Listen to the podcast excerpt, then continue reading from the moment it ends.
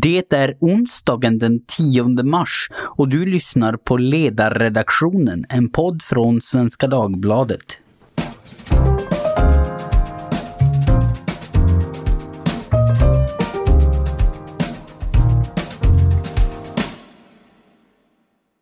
Jag heter Jesper Sandström och idag ska vi prata om kärnkraft. Ämnet är väl mer eller mindre alltid aktuellt eh, i dessa tider när det träts politiskt fram och åter kring huruvida vi ska ha någon kärnkraft alls. Men just i dagarna kanske det dyker upp i folks huvuden på grund av Fukushima-olyckans tioårsdag som inträffar imorgon. Så vi ska prata lite om det. Har kärnkraften framtiden för sig? Eller är den livsfarlig som somliga vill göra gällande? Eller behövs den helt enkelt inte som man kan få för sig när man hör miljöminister Per Bolund säga att han citat absolut inte tror på ny kärnkraft. För att bena i det här så har jag bjudit in två initierade personer. Ane Håkansson, professor och kärnfysiker vid Uppsala universitet. Hej Ane! Hallå hallå! Och Anton Sten, ansvarig för Public Affairs hos energibolaget Fortum. Hej Anton! Hej hej! Eh, ja, om vi börjar med att blicka framåt då kanske. Eh, nästa generations kärnkraft, varför ska vi satsa på den? Ane, vad eh, säger du? Ja, en bra fråga höll jag på att säga. Jag tror man ska behöva bena lite grann i det här. Eh, när du säger nästa generations kärnkraft så bör man nog eh, eh, känna till att det finns flera ska vi säga, generationers kärnkraft som står för dörren här. Det som kanske normalt, eller ja, det som debatteras mycket just nu det är ju det man brukar kalla för fjärde generationens kärnkraftssystem. Och tanken med det systemet är ju då att man ska kunna återvinna det långlivade avfallet från dagens eh, reaktorer och göra nytt bränsle av det här. Eh, och eh, vi kan väl bara konstatera det då att eh, när det gäller själva reaktordelen utav det här generation 4-systemet så har vi ganska bra kläm på dem idag. Eh, faktum är att den första kraftproducerande reaktorn en gång i tiden på början på 50-talet var av den typen och eh, ryssarna har ju faktiskt eh, levererat el ut på nätet sedan 1981 med den här typen av reaktorer. Eh, så att med enbart de här reaktorerna eh, så kan vi konstatera det att vi egentligen inte kan åstadkomma ett smack mer än vad vi kan göra med dagens reaktorteknik. Utan de här reaktorerna måste eh, finnas i ett system och i det systemet så ingår till exempel då återvinningsanläggning för eh, det här långlivade avfallet, eh, bränsletillverkning och en mängd saker som, som hör eh, till det här systemet. Det kan vara logistik, ja, internationell kärnämneskontroll och allt vad det är för någonting. Så det är ett utpräglat systemtänk som ligger bakom här. Och Eh, där, då kan man ju säga så här då att som sagt reaktorerna eh, det är idag kanske inte något större tekniskt problem utan där vi idag behöver utvecklingsarbete det är då inom återvinningstekniken framför allt och bränsletillverkningen. Och där är vi inte riktigt framme än. Då.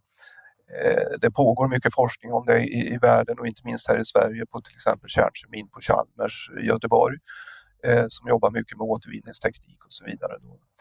Eh, eh så att eh, med det sagt alltså, så kan man säga att det egentligen inte är ett tekniskt problem att införa ett sådant system till exempel i Sverige om vi så vill. Eh, däremot så är det ju så att eh, bränslepriset idag för kärnkraften är så pass låg så att det finns liksom inga ekonomiska incitament att införa ett nytt system eh, som ska ersätta det befintliga systemet. Så det kan man väl säga är väl den stora säga, stöttestenen än så länge. Då, va?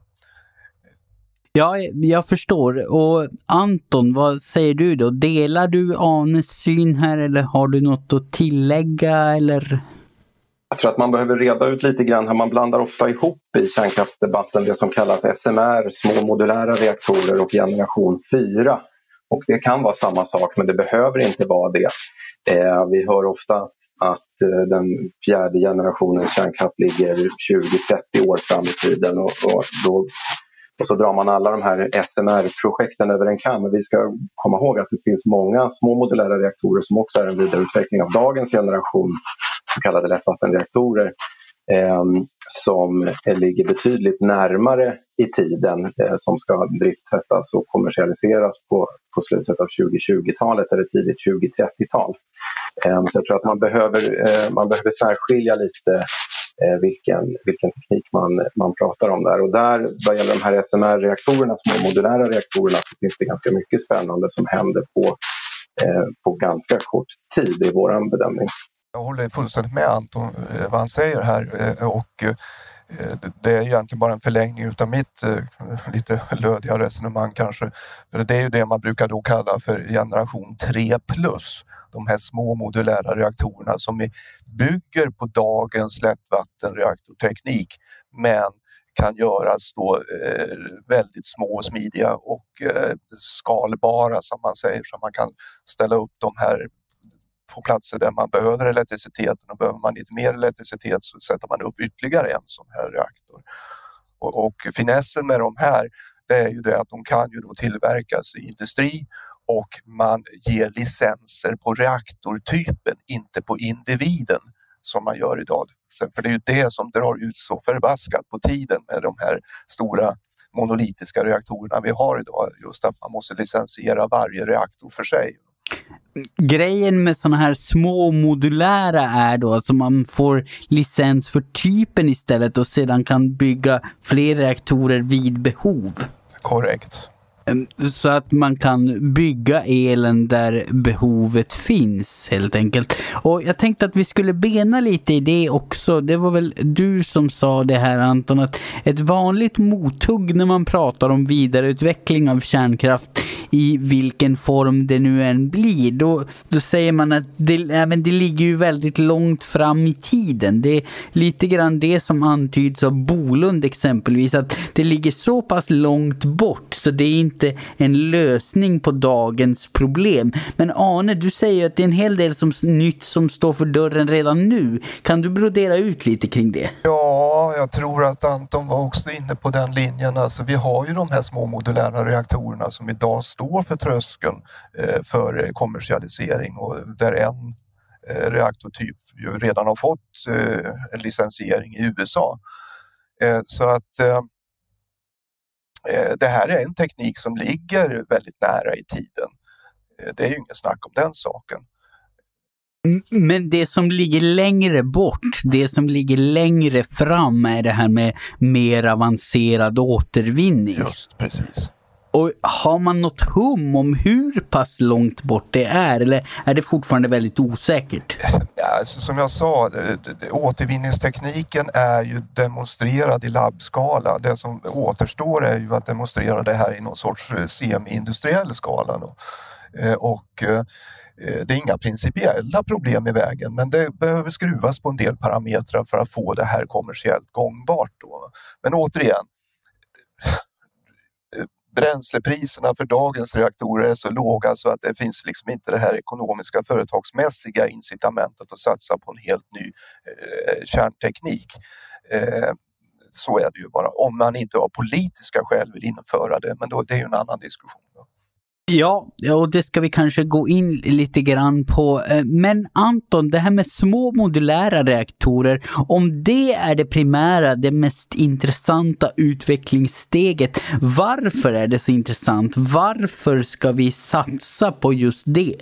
I grund och botten handlar det om att vi behöver fler verktyg i verktygslådan för att säkra ett leveranssäkert, fossilfritt och konkurrenskraftigt elsystem. Men vi ser ju att, att de förnybara kraftslagen sjunker dramatiskt snabbt i kostnad och det kommer utgöra bulken av den nya elproduktionen som kommer att byggas. Men vi vet också att vi kommer att behöva planerbar fossilfri elproduktion och särskilt om vi ska klara av den elektrifiering som vi står inför när vi på 25 år kanske ska fördubbla elanvändningen. Så att där behöver vi hitta nya planerbara fossilfria kraftslag och där kan SMR vara ett steg, även om det ju råder viss osäkerhet idag hur kommersiellt gångbart det kommer bli.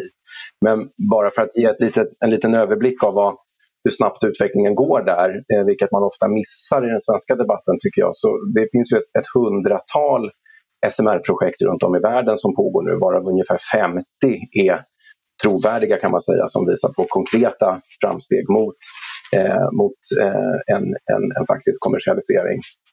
Ryssland och Kina har redan reaktorer i drift och i västvärlden så är det USA, Kanada och Storbritannien som, som man kan säga ligger längst fram. Finland har sett över sin lagstiftning för att möjliggöra eh, en utbyggnad av, av, av små modulära reaktorer. Vi på Fortum finns tillsammans med Vattenfall tillsammans med ett projekt i Estland där vi hjälper ett, ett estländskt energiföretag att utvärdera eh, en eller flera små modulära reaktorer som man kan bygga där. De får sin el ifrån väldigt smutsig olja idag så att det är potentiellt stora klimatförbättringar som man kan göra där. Så att det, och det här är, är ut, utvecklingsprojekt som ligger ganska nära i tiden. Då. Vi pratar alltså slutet av 2020-talet eller, eller tidigt 2030-tal. Eh, och vi ser ju inte att, att klimatfrågan kommer bli mindre viktig på ett decennium eller två decenniers sikt. Så även om det tar tid så, så gör det inte att det är mindre angeläget. Nej, det fortsätter vara angeläget säger du. Och ett argument som ju ofta dyker upp när man pratar om kärnkraft, eh, det är det att marknaden inte vill ha det. Att nedstängningen av reaktorer har skett på marknadsmässig grund. Att kärnkraft helt enkelt konkurreras ut av andra energislag som sol och vind. Då. Men det är väl en minst sagt förenklad bild av läget eftersom energimarknadens villkor dikteras väldigt hårt av politiken. Och jag tolkar dig som att även om vi satsar mycket på sol och vind så kommer vi att behöva kärnkraft. Är det din uppfattning?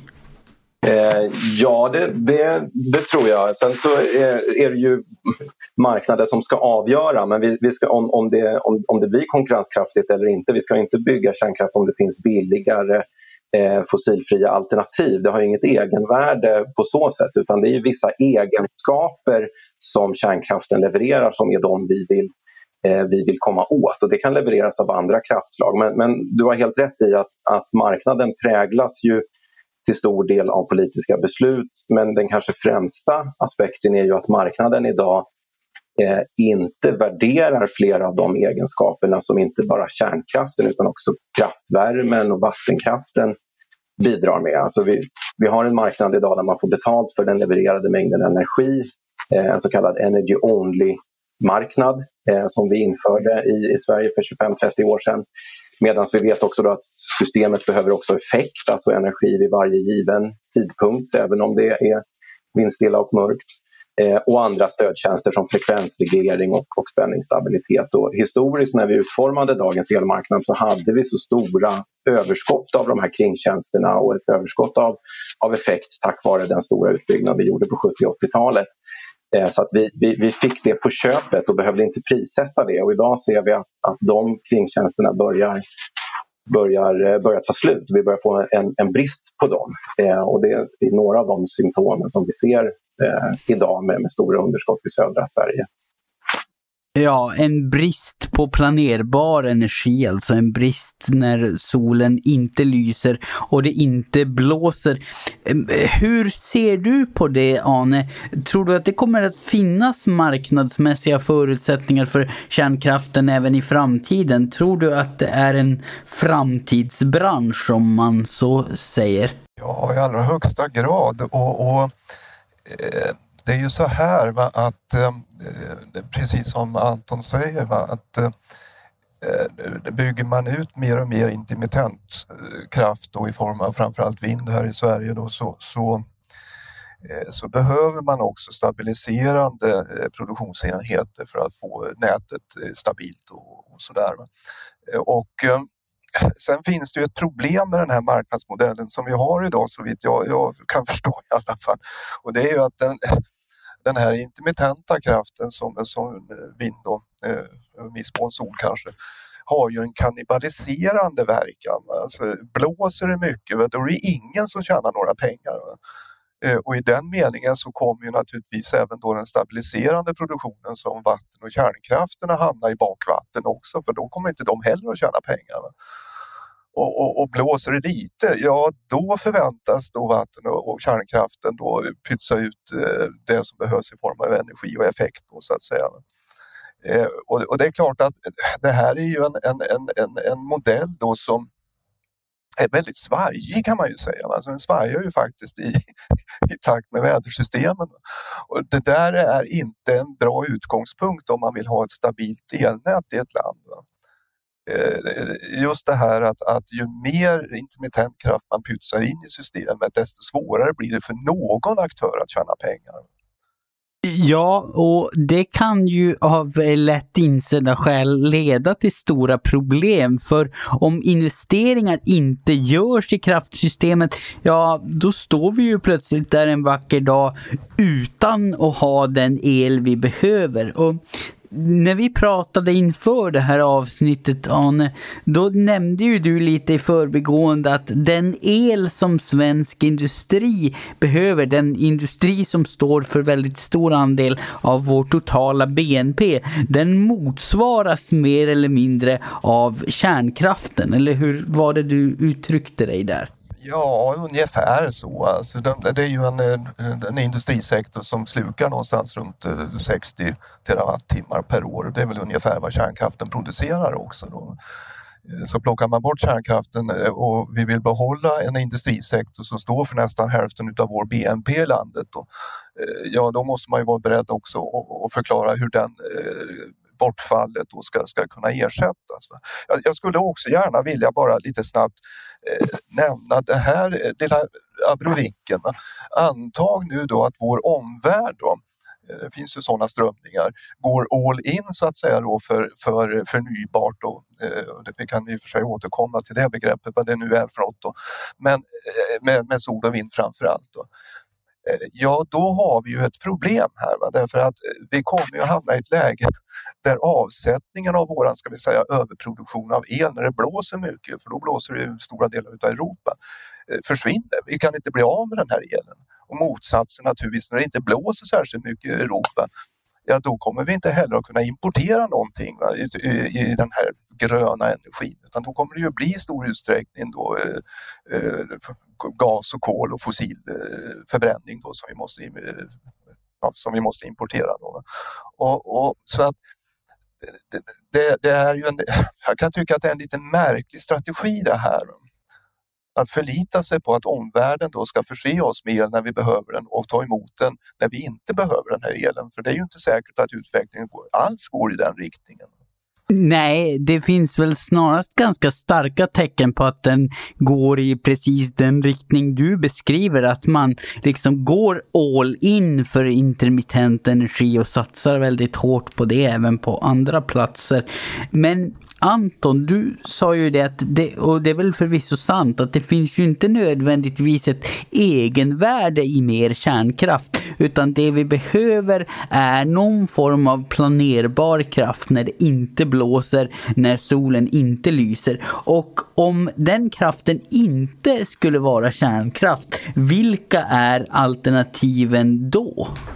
Ja, alltså det, det pågår ju eh, väldigt mycket utveckling även bortom, bortom kärnkraften. Alltså förnybara kraftslagen sjunker väldigt snabbt i, i, i kostnad. Vätgasutvecklingen går väldigt snabbt. Vi ser en storskalig vätgasekonomi som, som med stor sannolikhet kommer att, att rullas ut. Batterier utvecklas. Vi har biokraftvärme, vi har den befintliga vattenkraften.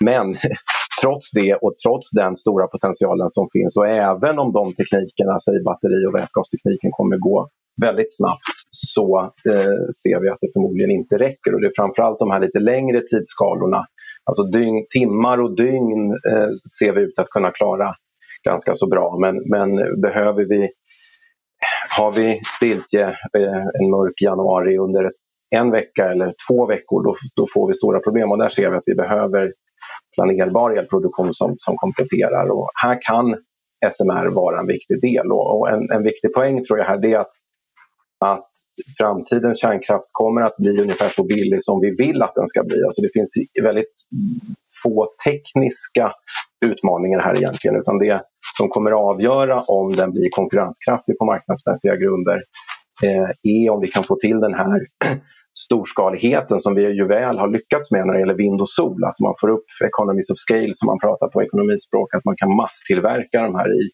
standardiserade moduler i, i, i, eh, i fabrik. Eh, och kan vi göra på samma sätt som vi har gjort inom flygindustrin och inom varvsindustrin, att vi kan få globala gemensamma standarder där vi inte måste gå in och licensiera det här med liksom unika, långa utdragna licensieringsprojekt i varje land. Då finns det nog alla förutsättningar att kunna göra det här väldigt kostnadseffektivt. Men, men, men då krävs det att politiken också dels tar bort de legala hinder som finns idag för att bygga det här men också att man aktivt är med så som Finland har valt att vara nu till exempel och engagera sig globalt i de här forumen för, för att sätta de här standarderna och haka på det här tåget, vilket man från Sveriges sida inte riktigt gör idag. Då. Nej, men jag håller med Anton här och det, det, det är ju hela poängen med de här små modulära reaktorerna som jag ja, som vi nämnde förut här, att, att, att, att man kan få typgodkännande på dem och sen är det ju att rulla ut dem en masse, så att säga. Då. Och det, det, finns ju ingen anledning att tro att inte detta skulle dra ner kostnaderna för producenten på samma sätt som det har gjorts i andra eh, sammanhang, va? precis som Anton säger. Eh, sen, sen är det ju också så här, och det, det, det måste man väl ändå eh, nämna i det här sammanhanget att återigen när det kommer till, till elmarknaden så är den ju inte helt teknikneutral eh, fortfarande. Va? Så det är ju lite svårt att hävda att, att, att all produktion sker på marknadsmässiga villkor va? eftersom, precis som Anton sa, eh, den planerbara kraften är ju, värderas ju inte i det här systemet.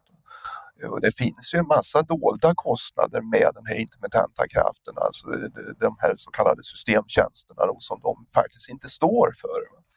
Och det är klart att för producenten kan det ju vara billigt att, att sätta upp vindturbiner men, men för, för det nationella eh, perspektivet så kan det ju bli ganska dyrt när allt det här då ska bekostas då, eh, eh från annat håll. Så man skulle ju kunna säga att det kunde vara en rimlig ska vi säga, eh, eh approach då att eh, låta vindkraften få stå för de kostnader de idag inte står för, nämligen systemkostnader. Och man kan ju tillägga där bara att det pågår en hel del arbete för att förbättra elmarknadens utformning också. Svenska kraftnät, det statliga affärsverket som, som bygger transmissionsnäten i Sverige och som har systemansvaret för elsystemet, de håller på just nu och utvecklar ersättningssystem för sådana här stödtjänster.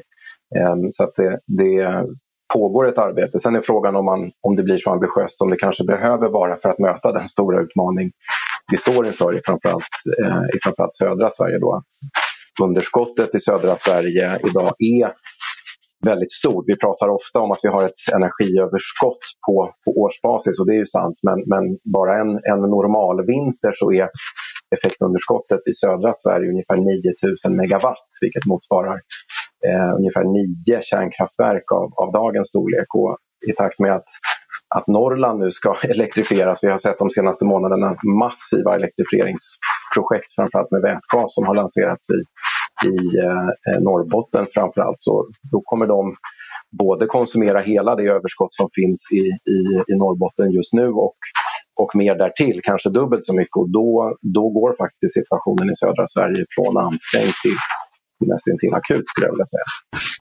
Ja, jag har ju skrivit lite om det där på ledarplats. De planerna är något orealistiska får man ju säga. Region Norrbotten kom i en analys av elbehovets utveckling under de kommande åren fram till att nej, det kommer inte finnas mycket till överskott att skicka söderöver. Jag bor ju själv i Luleå, nästan inom synhåll för det här stora hybridprojektet för utsläppsfri ståltillverkning. Så jag får kanske se en av de här små modulära reaktorerna om det istället blir så de väljer att lösa energibehovet. Eh, men då tänkte jag att vi skulle komma in på ett sista litet avsnitt i avsnittet här. Det har ju så här långt varit mest muntra tongångar, framåtsyftande och framtidsoptimistiskt och sådär. Men om vi då ska gå in på det som ofta lyfts som kärnkraftens primära baksida, det är att den genererar avfall som behöver hanteras under mycket lång tid och att den innebär en olycksrisk. Är de här riskerna och baksidorna rimliga argument för att avstå investeringar i kärnkraft? Ane, vad anser du om saken? Jag tycker väl inte det. Alltså, pratar vi avfall här, ja, för det första så kan vi ju konstatera att det, det finns ju horisonten tekniker då för att åtminstone ta hand om, om det långlivade avfallet då, och göra nytt bränsle av det. Det är ju energimässigt en guldgruva det vi, det vi har där i, nere i Klabb i Oskarshamn då med det, det använda kärnbränslet. Eh, jag menar, det skulle kunna räcka med elförsörjare det här landet i tusen år eller något i den där stilen. Men, men sen är det ju så här också att det här är ju när det kommer till eh, slutförvar och avfallsfrågor och sånt där inom kärnkraften. Det här är ju någonting som vi har ägnat oerhört mycket tid och kraft på att utveckla och forska kring. Alltså de senaste eh, 35-40 åren. Någonting sånt där. Eh, och det finns ingen annan teknik som har underkastats den typen av granskning som det här avfallet, avfallet avfallsprojektet har, har, har, har eh, genomgått. Då, så att säga. Och jag, jag förvånas över att så mycket energi läggs på den här frågan då när det är så att vi till och med i Sverige har hundratusentals ton av höggiftigt avfall alltså, som man inte vet vad man ska göra av med oändlig halveringstid eh, och som man inte eh, alls bryr sig om i debatten. Så det är ju någonting med själva kärnkraften per se som är kittlande i den här frågan, va? inte själva avfallsproblematiken.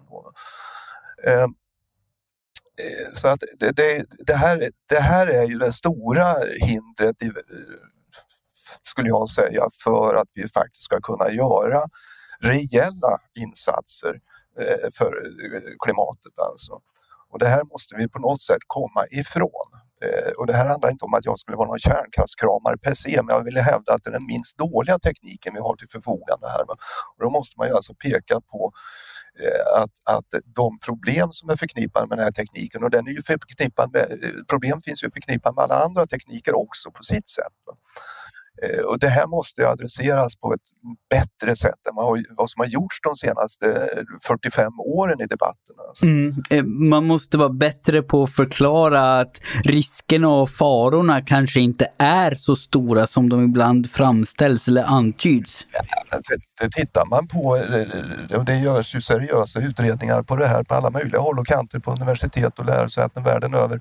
Och man kommer ju fram till i stort sett samma siffror. Va? Då pratar vi om dödsfall per producerad producerar kilowattimme så ligger ju kärnkraften eh, eh, långt, långt under alla andra tänkbara tekniker vi har idag. Det, och det är ju frestande att jämföra med fossilanvändningen. Det är ju hundratusen människor som beräknas dö per tusen terawattimmar producerad elektricitet och då funkar ju den tekniken ändå som det är tänkt. Ja, så är det ju. Nej, det är intressant att just det inte är ett mer allmänt känt faktum i debatten, men förhoppningsvis eh, lyfts det väl fram mer och mer. Och just i det här riskperspektivet så är ju olyckorna i Fukushima och Tjernobyl både intressanta och sorgliga på så vis att väldigt få dog ju i direkt relation till olyckan. I Fukushima endast en person, en räddningsarbetare som utsattes för höga stråldoser. Däremot så dog 2000 personer till följd av kaotisk evakuering och liknande siffror syns i Tjernobyl. Det var väldigt få som dog av något slags koppling till strålning och radioaktivitet men de fick däremot sina liv förstörda av det kringliggande sociala. De tvångsevakuerades och såg sig som dömda till sjukdom och förtida död så att på det följde ju arbetslöshet, missbruk och självmord. Så det man kan säga är väl att Eh, eh, osaklig rädsla för kärnkraft och radioaktivitet har dödat långt, långt fler än själva kärnkraften, ens i de allra värsta olyckorna. Men Anton, instämmer du i det Ane säger? Upplever du också att debatten i någon mån präglas av en irrationell rädsla för kärnkraften som kraftslag? Eh, ja, i, i stort gör det. Man, man måste såklart ha stor respekt för att det här var spektakulära olyckor och kärnkraften har eh, vissa unika säkerhetsaspekter som andra kraftslag inte har. Det, det, måste man komma ihåg. Men, men vi måste också hålla oss till vad oberoende internationella organ och objektiva eh, vetenskapliga undersökningar faktiskt visar. Eh, från FN, från IAEA, från eh, Internationella energibyrån eh, Eh, med, med flera. Och det, det, är ju som Arne var inne på, det, att kärnkraften är tillsammans med, med, med sol och vindkraften de kraftslag som orsakar absolut eh, minst antal olyckor och, och minst dödsfall, även inklusive eh, Tjernobyl och Fukushima som har sina egna, egna, eh, egna förklaringar. Eh, och vi, vi måste också lita på våra expertmyndigheter, Strålsäkerhetsmyndigheten som ju också löpande övervakar och utvärderar kärnkraften i Sverige och dess säkerhet och, och landar ju i om och om igen att den är säker. Eh, och jag, jag, tror att kärnkraftsindustrin, där jag ju själv är en del, eh, delvis har sig själva att skylla för det här. Inte, till, inte bara, men, men till viss del i, i, i vår kommunikation. Vi, vi är väldigt duktiga på att, att prata om säkerhet och förmedla att säkerheten alltid sätts först och går framför allt. Eh, och, och, det är ju självklart så att säkerheten är fundamentalt viktig men, men att vi bara har fokuserat på den så mycket i vår kommunikation har nog lett till, med, med facit i hand, att, att eh, allmänheten nog har en ganska skev bild av vilka risker som dagens kärnkraft faktiskt innebär och att de faktiskt objektivt sett är kanske det absolut säkraste sättet vi har att, eh, att producera el. Eh, och eh, liksom, om, om, om, kärnkraften är så säker, varför måste vi alltid prata om säkerhet då? Vi, vi har liksom glömt att, att lyfta fram andra positiva saker med kärnkraften som, eh, som är värda att belysa. Jag håller fullständigt med Anton eh, även i det här sammanhanget. Jag menar, eh, kärnkraftsindustrin bör ju lära av flygplansindustrin eller bilindustrin eller något sånt där. Ja, säkerheten är viktig. Men det ska vara snygga bilar också. De ska vara bra bilar och de ska vara liksom, ja, det ska vara lite sexigt och så vidare. Eh, det där har man ju missat fullständigt från kärnkraftsindustrins sida utan man har pekat så mycket på säkerhetsarbetet så att då måste det ju vara något osäkert med kärnkraften. Det är liksom lite grann det budskapet som finns eh, som, som eh, allmänheten kan uppfatta då på något sätt. Att man, eh, det, där, det där måste man kanske tänka om lite grann. Sen ska man ju inte sticka under stolen med att mycket av det här kärnkraftsmotståndet historiskt sett också är av ideologisk natur. Eh, och då är det svårt att komma fram med, med eh, rationella argument det, det, det ska man ju vara ödmjuk inför. Alltså. Jag tror det är också viktigt att vi, att vi kommer ihåg vilken den gemensamma fienden är här och det är ju fossila bränslen. Alltså fossila bränslen dödar varje år genom sin normala verksamheter över 8 miljoner människor världen över. Och jag tror att det, det, mest olyckliga vi kan göra det är att vi hamnar i en, en utdragen debatt om det är förnybart eller kärnkraft som ska vara svaret på klimathotet. Jag tror att de fossila bränslena skrattar hela vägen till banken om vi hamnar i en sån utdragen debatt. Och vi, vi måste landa i att det, det, är en mix av alla fossilfria kraftslag som vi behöver för att klara det här. Alltså fortfarande får vi över 80 procent av vår globala energitillförsel ifrån fossila bränslen. Och det är en siffra som, som inte har ändrat sig nämnvärt på, på fyra decennier. Eh, och vi, vi, kan bråka allt vad vi vill här om, om förnybart eller kärnkraft men det är, är i marginalen och inte förrän vi, vi verkligen eh, liksom enas om vem som är den gemensamma fienden tror jag att vi, vi kan göra det här väldigt effektivt. Och vi har fortfarande, vi har ju nästan en, en, en fossilfri elmix i Sverige sedan 70 80-talet men vi har ju fortfarande långt över 100 terawattimmar fossil energi i både transportsektorn och, och eh, industrisektorn som vi behöver fasa ut. Och då, då tror jag att vi kommer att behöva alla verktyg som finns i den fossilfria verktygslådan. En sexigare kamp mot den gemensamma fienden. Ja, det kan väl vara en god sammanfattning för, av dagens samtal. Men med det sagt så börjar det vara dags för oss att avrunda, så jag får säga stort tack till Ane Håkansson, kärnfysiker vid Uppsala universitet och Anton Sten, ansvarig för Public Affairs på energibolaget Fortum. Tack också till alla som har lyssnat. Har ni några alldeles strålande uppslag till andra poddar eller kanske lite kärnfull kritik, ja då får ni gärna höra av er per e-post till ledarsidan svd.se. Producent, det är jag, Jesper Sandström, och jag hoppas att vi hörs alldeles snart igen. Håll i, håll ut och håll avstånd som seden numera bjuder. Hej då!